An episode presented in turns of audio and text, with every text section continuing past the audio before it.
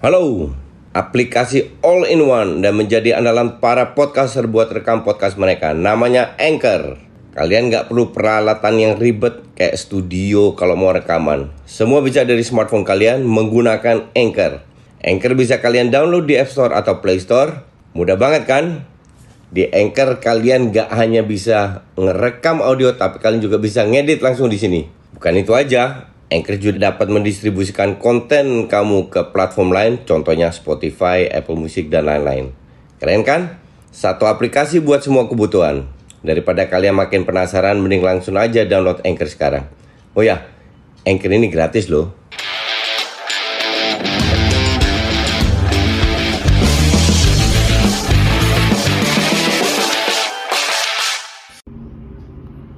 Ya, halo, gue mau bahas uh, apa namanya Oleh Out uh, breaking news kali ini khusus buat Oleh. Gue mau ajak kalian melihat karyanya Oleh di MU dari awal. Tapi sebelum itu gue tidak bikin uh, subtitle karena ini baru aja taping, langsung gue posting, oke? Okay? Jadi nggak sempet untuk uh, bikin subtitle. Mohon maaf uh, masalah itu.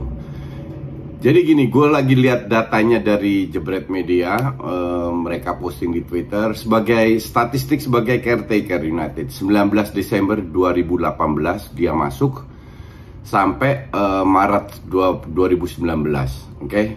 Itu persentase kemenangan 74%, menang 14, imbang 2, 3 kalah, berada di rank 3. That is good. Cuman kalian juga tahu atau kal jangan denial ya, hampir semua caretaker yang masuk itu selalu survive, selalu bagus. Kenapa? Karena ini bukan pemain mereka dan semua tahu dan mereka uh, membawa angin baru. Mourinho pernah berapa kali, Husiding dua kali, tiga kali bahkan diminta. Uh, jadi sering kali terjadi bahwa caretaker ini bukan jadi jadi sebuah apa namanya uh, parameter bahwa lu sukses atau tidak bisa juga gagal kayak Ljungberg lah di uh, Arsenal uh, Emery dipecat gagal akhirnya Arteta masuk oke okay? bahkan Arteta waktu masuk pun gue kasih uh, benefit of the doubt dalam arti silakan selesai oke okay? masuk ke 2019 season 2019-20 baru di situ gue nilai oleh ya nah di season kan end up rank 2 tapi fansnya yang kepala batu yang merasa oleh hebat kan bilang oh ya rank 2 end up rank 2 itu doesn't mean anything. Lu harus lihat sikonya seperti apa. Di awal 2019 sampai paruh musim sampai Desember Januari kalau nggak salah itu MU terseok-seok loh. Masih inget nggak kalian? Kenapa MU terseok-seok? Karena oleh mempertahankan hanya satu sistem 4-2-3-1 either dengan satu DM atau 2 DM tapi dengan real playmaker ya. Di posisi 10 itu dicoba Lingard Pereira. Masih ingat kan? Nggak ada yang berhasil. Nah di situlah gue mulai ini pelatih nggak bener kenapa? Walaupun nggak ada Bruno Fernandes, lu dengan dengan uh, apa namanya dengan Greenwood, dengan Rashford, dengan Martial dan beberapa pemain uh, uh, si Cavani udah masuk kok nggak salah ya. Ada berapa pemain lah. Tim ini tetap bagus, ya. Harusnya kalau pelatih bagus, dia memanfaatkan kan nggak harus main 4-2 atau 4-4-3 kan lu bisa main 4-2 4-4-2 atau 343 kayak sekarang ngerti nggak? Jadi kalau dia mencoba dan dia mencoba itu setengah tahun itu terseok-seok gue bilang harusnya waktu itu dia dipecat. Bukan masalah menang karena kelihatan bahwa ini pelatih miskin taktik. Tapi gue dihajar fans MU katanya proses ini itu ya terserah kita lihat. Masuk Januari 2019 eh 2020 masuk Bruno Fernandes. Di situ mulai jalan Oke. Okay? Bruno Fernandes masuk jalan baru dia mendapatkan real playmaker apa yang mereka inginkan dengan umpan-umpannya dengan apa top lah. Nah, sekarang um, pada saat Bruno Fernandes masuk mereka berada di rank 2. Ya. Happy semua 2020 rank rank 2. Terus uh, rank 2 atau rank 3 eh lupa gue. 2009 uh, 2019 masuk 19 20 20 21 sekarang ya. Jadi rank rank 3. Terus berjalan ke uh, apa namanya? musim lalu. Musim lalu rank 2. Oke. Okay? Kenapa musim lalu rank 2? Liverpool terseok-seok di bawah uh, di bawah City kan. Liverpool terseok-seok. Lini belakang hampir setahun cedera depannya lagi mandul. Kita tahu semua itu. Chelsea pergantian pelatih. Oke. Okay? Lihat match pertama 2021 itu menang 4-0 lawan Chelsea.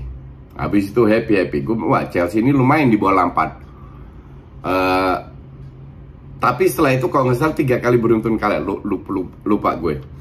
Nah di situ gue udah lihat tetap berjalannya pertandingan. They win the game, iya. Tapi sangat tergantung oleh Bruno Fernandes. Dan Bruno Fernandes beruntung nggak pernah cedera. Cuman dari situ pun udah kelihatan pada saat Bruno datang 20 uh, apa namanya Januari 20 Pak setelah musim 2021 lah. Musim 2021 di situ kelihatan bahwa pada saat Bruno Fernandes jelek, ini tim jeblok inilah tugas pelatih untuk membuat perubahan. Karena namanya pemain out of form kayak Maguire lah sekarang. Bisa terjadi. Tapi Maguire kan kontribusinya udah besar. Dia nggak punya solusi. Cuman karena menang di menit terakhir, skill individu, penalti, dan VAR waktu itu kan masih sangat pro MU. Oke? Okay? Fansnya hanya lihat skor-skor doang. Selesai. Di situ gue udah bilang out, out, out, out Enggak, gue bilang stay karena gue pengen lihat lawak. Tapi harusnya kalau gue jadi fans MU, gue akan bilang out.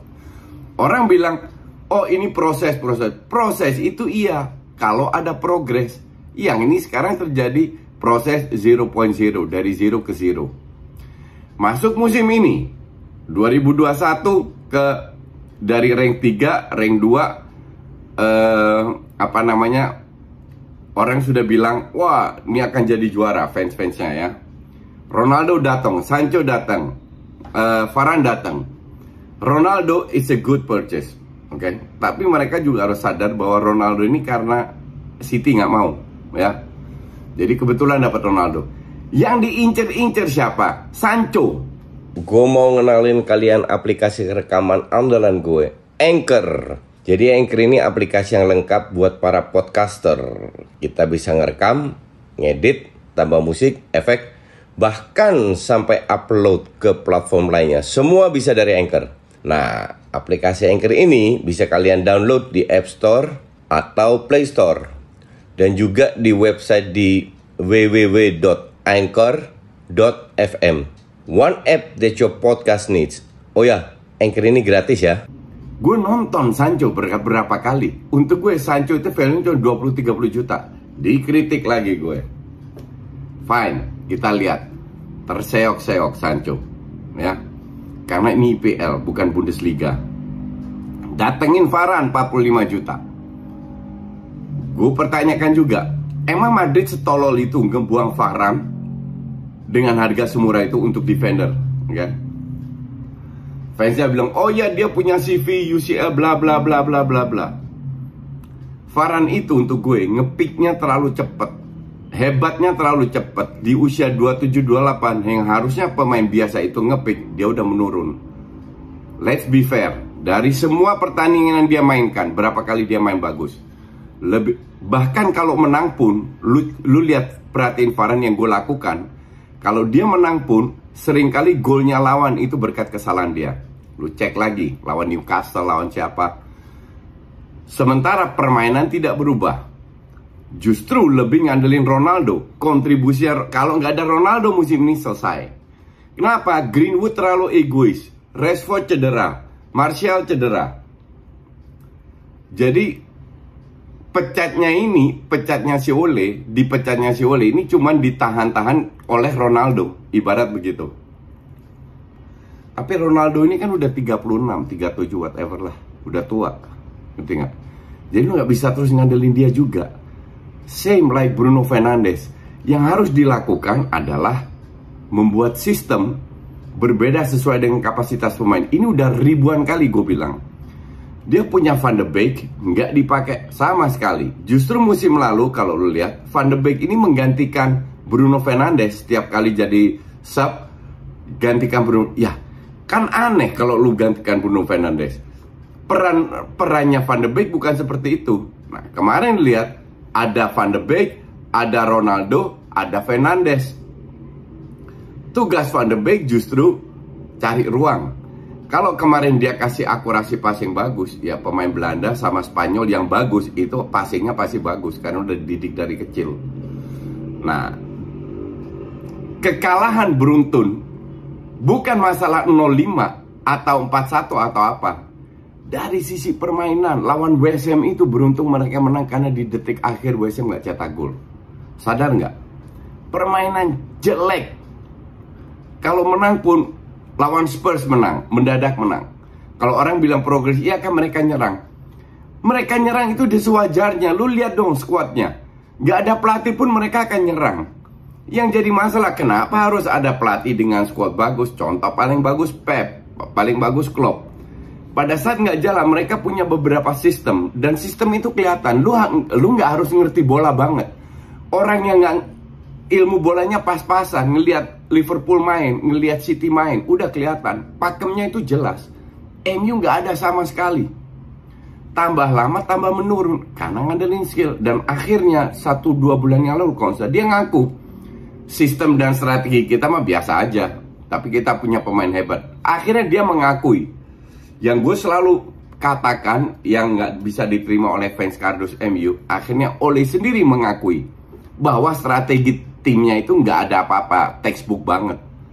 Tapi dia punya pemain yang bisa membuat perbedaan. True, tapi sampai kapan? Ini namanya juga pemain. Juga manusia dengan emosi, dengan flesh and blood, bisa cedera, bla bla bla bla. Sampai kemarin, ah, gue tweet, lo boleh cek gue. Gak usah kalah, seri aja. Ini udah krisis di dalam MU apalagi dibantai. Jadi there is no choice, nggak ada pilihan lain. Bukan karena permainan, bukan karena 10 orang. Murni karena pemain ini udah nggak termotivasi lagi. Murni dia sudah tidak bisa mengontrol para pemainnya. Oke, okay? lu nggak bisa salahin Maguire dengan red cardnya. Ya. Maguire lagi bapuk banget. Dan gue bilang sikapnya yang pada saat dia cetak gol lawan Albania bilang begini se -se seolah-olah mana tuh yang haters gue. Itu sikap yang sangat keanak-anakan sekarang kena karena kemarin kena red card. Babak pertama kalau penalti masuk itu udah 2 3 0 loh. Ya. Lawannya Watford oke? Okay? Watford kalau lu perhatiin di babak pertama berapa kali dapat peluang counter passingnya ancur-ancuran Separah itu MU Di luar 4 atau berapa Watford memang layak menang Layak unggul Apakah Watford hebat? Kagak ada hebat-hebatnya Gak ada hebat-hebatnya MU ini yang yang sekarang menjadi menurut gue ya tim mediocre di bawah oleh sementara kualitasnya itu Ferrari. Oke. Okay. Jadi untuk gue kesalahan yang dilakukan ini bukan salah oleh juga manajemen. Kita flashback sedikit yang dilakukan manajemen pada saat Alex uh, mundur. Moyes dikasih 4 tahun. Buyout klausulnya gimana? Pegang Everton yang klub yang selalu tiap tahun terseok-seok itu, ya papan tengah lah. Beda dengan fans MU. Teka dengan pe pegang tim sebesar MU, tekanan, oke? Okay? Pecat. Habis itu Van Gaal masuk. Van Gaal itu udah habis. Van Gaal itu udah habis, nggak ada tim yang mau pakai dia kecuali timnas Belanda pada saat itu. Eh diambil MU. Jadi gue lihat manajemen ini hanya lihat nama besar. Van Gaal dipecat, Mourinho diambil. Mourinho kalian tahu sendirilah pendapat gue tentang Mourinho gimana. Ngerti nggak?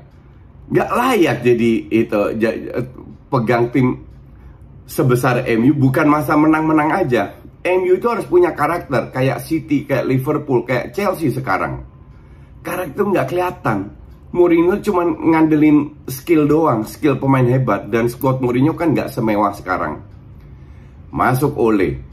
Ole juara di Norway, please deh, Norway gitu loh.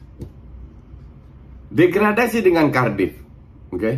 kayak nggak ada pelatih lain yang hebat kalau manajemennya smart nggak penting lu ambil legend legend legend. Oke nggak penting lu ambil mantan pemain. Lihat pemain uh, pelatih yang bagus mana. Itu kan pelatih Jerman.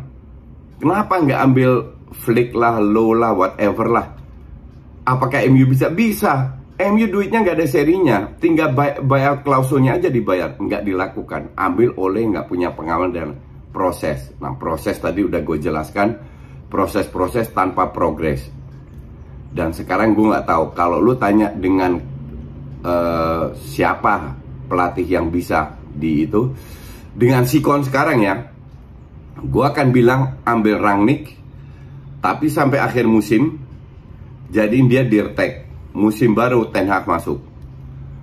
Jangan nggak nggak usah bicara soal uh, uh, apa namanya masih kontrak mas. Semua pelatih itu bisa dibeli. Semua. Yang penting MU bisa bay mau bayar nggak? Bukan masalah bisa tapi masalah mau. Karena duitnya MU dengan income yang masuk tiga besar kalau salah empat besar itu luar biasa. Mereka sangat bisa beli. Kecuali kalau pelatih nggak pelit. Kecuali mereka bikin kesalahan lagi. Ambil legend lah inilah itu bullshit bullshitan lah.